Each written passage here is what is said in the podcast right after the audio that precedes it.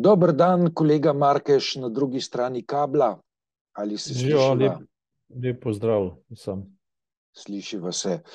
Se pravi, pravkar je bila poslanskim skupinam predana zakonodajna pobuda civilno-družbene skupine Glas ljudstva s tremi zakonskimi paketi. In sicer naj bi vsi trije zakonski paketi prispevali k ustavitvi rušenja javnega zdravstva. Ob tem so predstavniki iniciative Glas ljudstva predstavili tudi nekaj podatkov za obdobje dva devetnajst-dva dvaindvajset.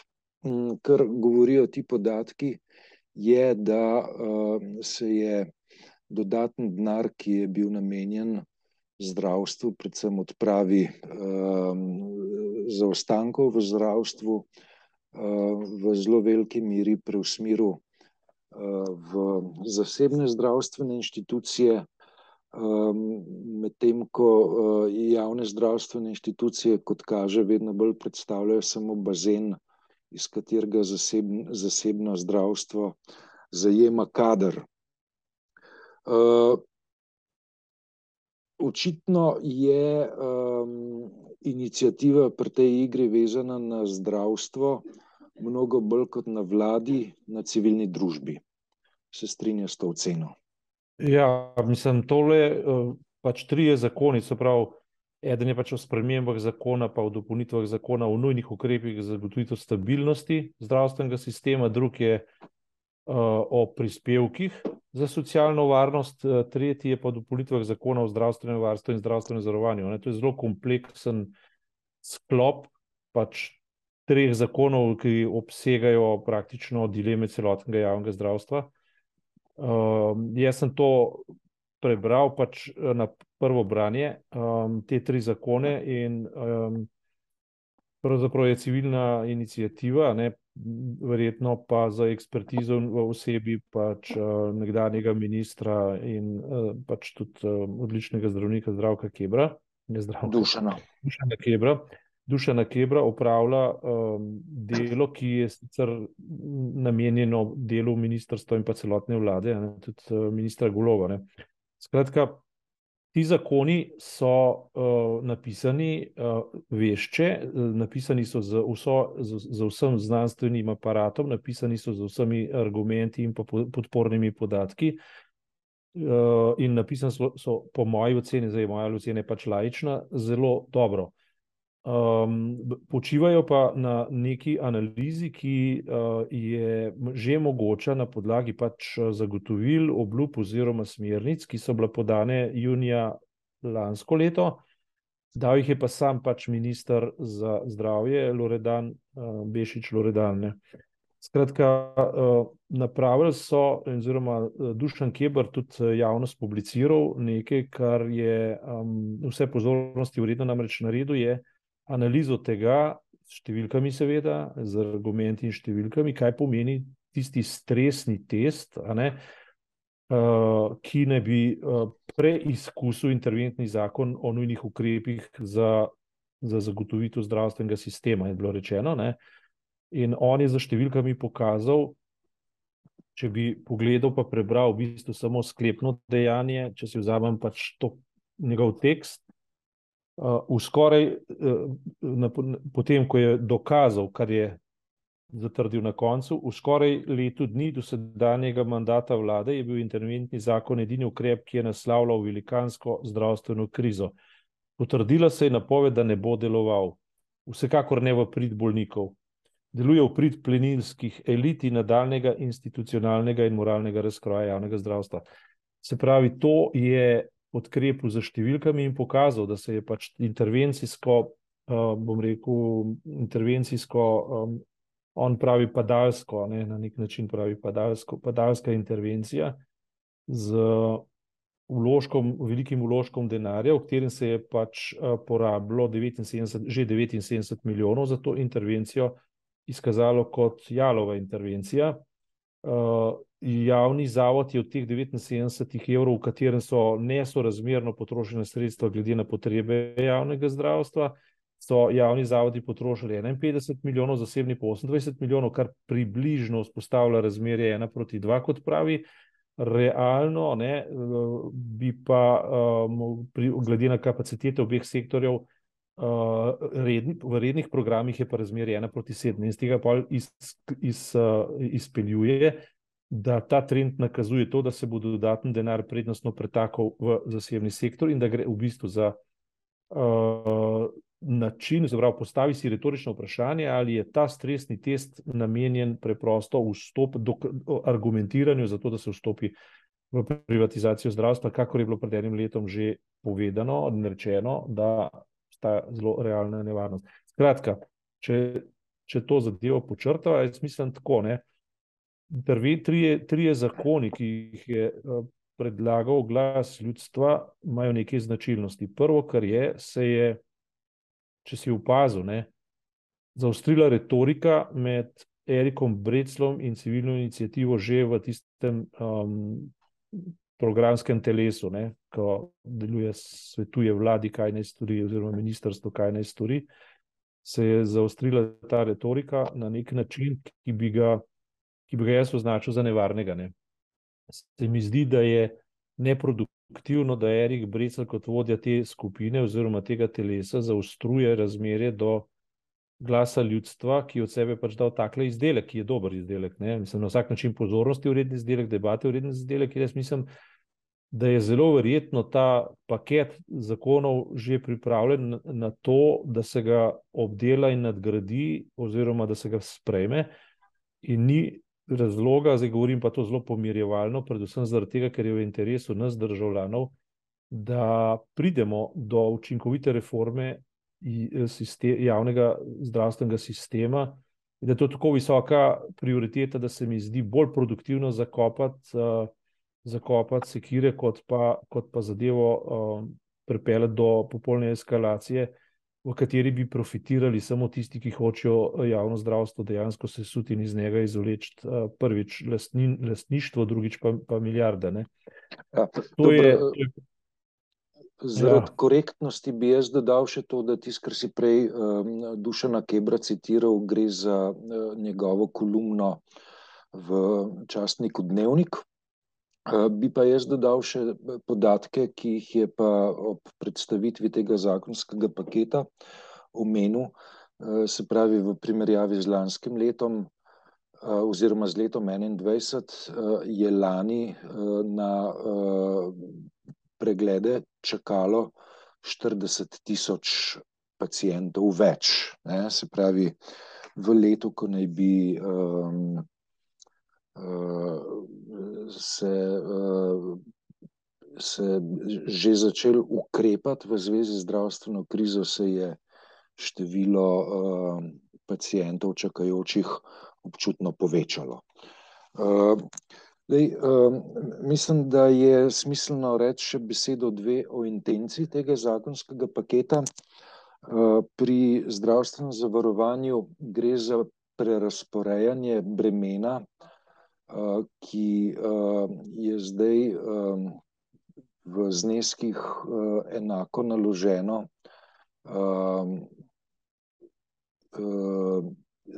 tako revnejšim kot bogatejšim, se pravi, se to breme plačevanja zdravstvenega prispevka prenaša na premožnejši sloj. Se pravi, kdor zasluži več, bo za zdravstvo plačal več. Mm, oziroma, tisti, ki zaslužijo manj, bodo uh, za zdravstvo, za zdravstvene storitve plačevali nekaj manj. Um, tukaj lahko anticipiramo že uh, trenja, ki se bodo zgodila z uh, tistimi družbenimi skupinami, ki ustrajajo pri tem, da je treba razbremeniti plače više najbolje kvalificiranih, najbolje kvalificirane delovne, do, delovne sile, kar pomeni pač davčno razbremenitev tistih, ki bolj zaslužijo. In tukaj jaz vidim prihajajočo polemiko na to temo? Polemike vedno bodo, bodo pa vse po istem um, pač ključu. Ne? In, in uh, ta, ključ je, um, ta ključ je preprosto um, z, na, namenjen cilju, da se davke ukini, da jih preprosto ni. To je prvi cilj, drugi cilj je ta, da se po pač neoliberalno, deloma ameriškem, deloma pa britanskem uh, uh, ključu ekonomsko ali ekonomsko-politične filozofije državo praktično izbriše iz uh, interesa oziroma iz obzorja podjetništva. Se pravi, zelo, zelo tenka država in absolutno, uh, bom rekel, močna civilna družba, ki regulira trg. Skratka, ideologija ekonomizma je tu prisotna in bo prisotna tudi v teh debatah, logično. Ne? Zdaj, treba se je vprašati v zvezi s tem, ali imajo take pomisleki prav ali ne. Uh, ali imajo prav ali ne, je stvar osebnega prepričanja pač vsakega posameznika. Velika večina v Sloveniji je po anketah javnega mnenja na strani dejstva, da se naša družba in naša država zavezuje sistemu solidarnosti, ne? se pravi, da smo solidarna država. To je prva ugotovitev. Druga ugotovitev je ta, in ta je najpomembnejša, da imamo mi te, to normo zapisano v ustavi. Se pravi, da nekdo diskutira, da bomo uh, brisali iz uh, našega družbenega življenja socialno komponento oziroma so, so, so, uh, komponento solidarnosti, mora spremeniti ustavo. Ne more se pogovarjati na suho. Pravi, to so pač želje, ki jih je treba spraviti v politično realnost na zakonodajni način in to za dvotretinsko večino. Ne? Pravi, s tem te debate lahko že uh, omejiva kar precej. Ne? V vseh um, družboslovnih debatah, kot ti dobro veš, ne? in v socioloških debatah je pa ta stvar že znanstveno dokazana. Namreč, da je pomankanje solidarnosti v končni fazi netivo situacij, kakršni smo bili priča že v, v 30 letih prejšnjega stoletja, in se nam na podlagi tega istega momenta neoliberalizma javlja danes in na koncu rezultira nekjer drugje kot v nestrpnosti, celo v vojnah. Zato, ker se pač kapital nesorazmerno napihne. Revščina nesorazmerno poveča, in potem se začnejo dogajati čudne družbene stvari, ki pripeljejo v razne oblike nacionalizma, sovražnosti, in na koncu populizmu, kakr, pred kakršnimi nismo ni imuni, tudi ne v Sloveniji, kot dobro vemo. Ne. Skratka, uh, jaz te, uh, teh očitkov, ne da jih ne bi imel resno, ampak bi upozoril pred njimi, ne, da so nevarni. Uh, mi vendarle imamo neke zglede in kakovost tega zakona, ki ga predlaga, ki ga predlaga glas ljudstva, teh za treh zakonov, ki jih predlaga glas ljudstva, je natanko v tem, da je noter narejena izredno poglobljena um, strokovna analiza um, sistemov in pa učinkov teh sistemov po Evropi, ne? in v Nemčiji, in v Avstriji, in v Angliji, in tako naprej. Ne? Skratka, to je mogoče razpravljati, in o tem se ne morejo pogovarjati samo polizobraženi mali podjetniki, nekateri, ki se uh, zelo glasno pojavljajo v socioloških debatah, v debatah prava, v debatah politične filozofije, so pametni, neverjetno, ne, ampak se v tem treba mogoče vprašati tudi kaj uh, sociologe ne, in družboslovce, ne, kako se uh, ta gibanja klavrno končajo, če, če se ne upeljuje tega. No, vse zadnje pa tudi pravnike. Mi imamo neko ustavo, ki jo treba varovati z, z, um, z, z vsemi mogočimi političnimi pač prijemi. Ne. To bi bil odgovor. Uh, je pa že utrujajoče, ne, da ena mantra, ne, ki jo pelje nekaj ljudi, ki na, mimo grede, ne, se zdaj tudi odpirajo debate o migraciji, se pravi, zaposlovanju tujcev v Sloveniji. Pravi, če imamo interes tujce zaposlovati, je treba naenkrat državo razmontirati in odpreti na vse mogoče načine, brez omejitev, tudi brez jezikovnih omejitev. Če pa tega interesa nimamo, so pa v bistvu teroristi, ki bodo prišli in razstrelili našo državo. Kje je tukaj logika? In, in, in ko to rečemo, ne, uh, uh, je treba spet narediti neko, uh, nek, ne, nek premislek o tem, do kakšne mere državo odpreti in ali je edini interes samo eksponenčna rast gospodarstva, zato da bi podlagali uh, ekonomske interese jutrišnjega dne, po, po pokojninah in tako naprej. Ne rečem, da niso argumenti na eni in na drugi strani. Ne rečem, da niso argumenti v tem, da rabimo vsako leto uvoziti 5000 tujih delavcev, zato da bi naš pokojninski sistem vzdržal. Rečem pa, ne, da je treba o tem odpreti zelo resno razpravo, kako to početi, kaj to pomeni, kakšne so dolgoročne posledice in kakšne so alternativne rešitve. Ne, o tem se pogovarjamo. V zdravstvenem sistemu gre pa popolnoma enako, s tem, da je tukaj stvar mnogo bolj jasna, mnogo bolj predvidljiva in mnogo bolj temeljna. Ne? Temeljna pa zaradi tega, ker mi že smo imeli zdravstveni sistem, delujoč zdravstveni sistem, ki mogoče potrebuje korekture v, v, v tem, da se vrednoti delo um, zdravniškega, sestrskega in uh, bolniškega osebja. Uh, to je debata, ki jo je mogoče pač odpirati, uh, ni pa mogoče oziroma ne bi pa smeli zamenjati eh, bazičnih ciljev um, zdravstvene oziroma socialno-zdravstvene filozofije, kakršna se je izkazalo za izredno uspešna, in jo lahko primerjamo v primerjavi z ameriškim, ki je v bistvu cilj privatizacijskih uh, lobijev. Ja.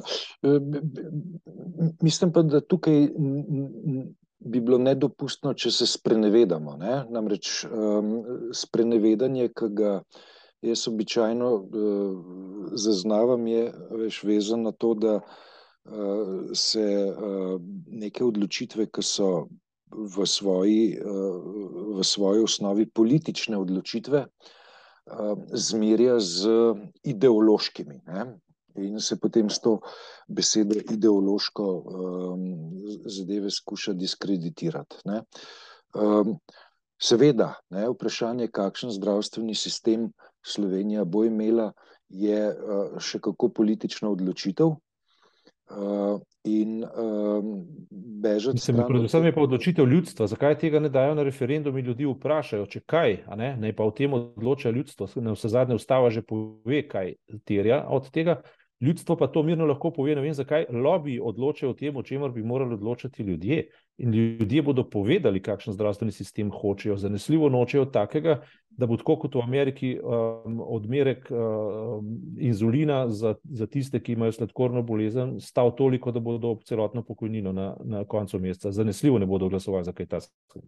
Takega, Ampak so pa tudi, seveda, bolj prefinjene metode izkoriščanja, pač tak, to vrstne pobude, pa to, da narediš hibridni sistem, v katerem ustvarjaš nov sloj bogatašev, ne, ki pa v bistvu iz, iz našega skupnega denarja črpajo zaseben dobiček, z tem, da se pa stroški zdravstva dražijo in pravice zmanjšujejo. Približno na tem smo zdaj. Ne. In zato je tako pomembno, recimo, da se um, v bistvu vladna inicijativa oziroma ministerska inicijativa in inicijativa glas ljudstva srečata na platformi nekega dialoga, predvsem zaradi tega, ker očitno vladna stran ni sposobna razmišljati o širših sistemskih dimenzijah, ona je sposobna uh, razmišljati o tem, kako bo optimalizirala in razmontirala, recimo, Zavod za zdravstveno zavarovanje.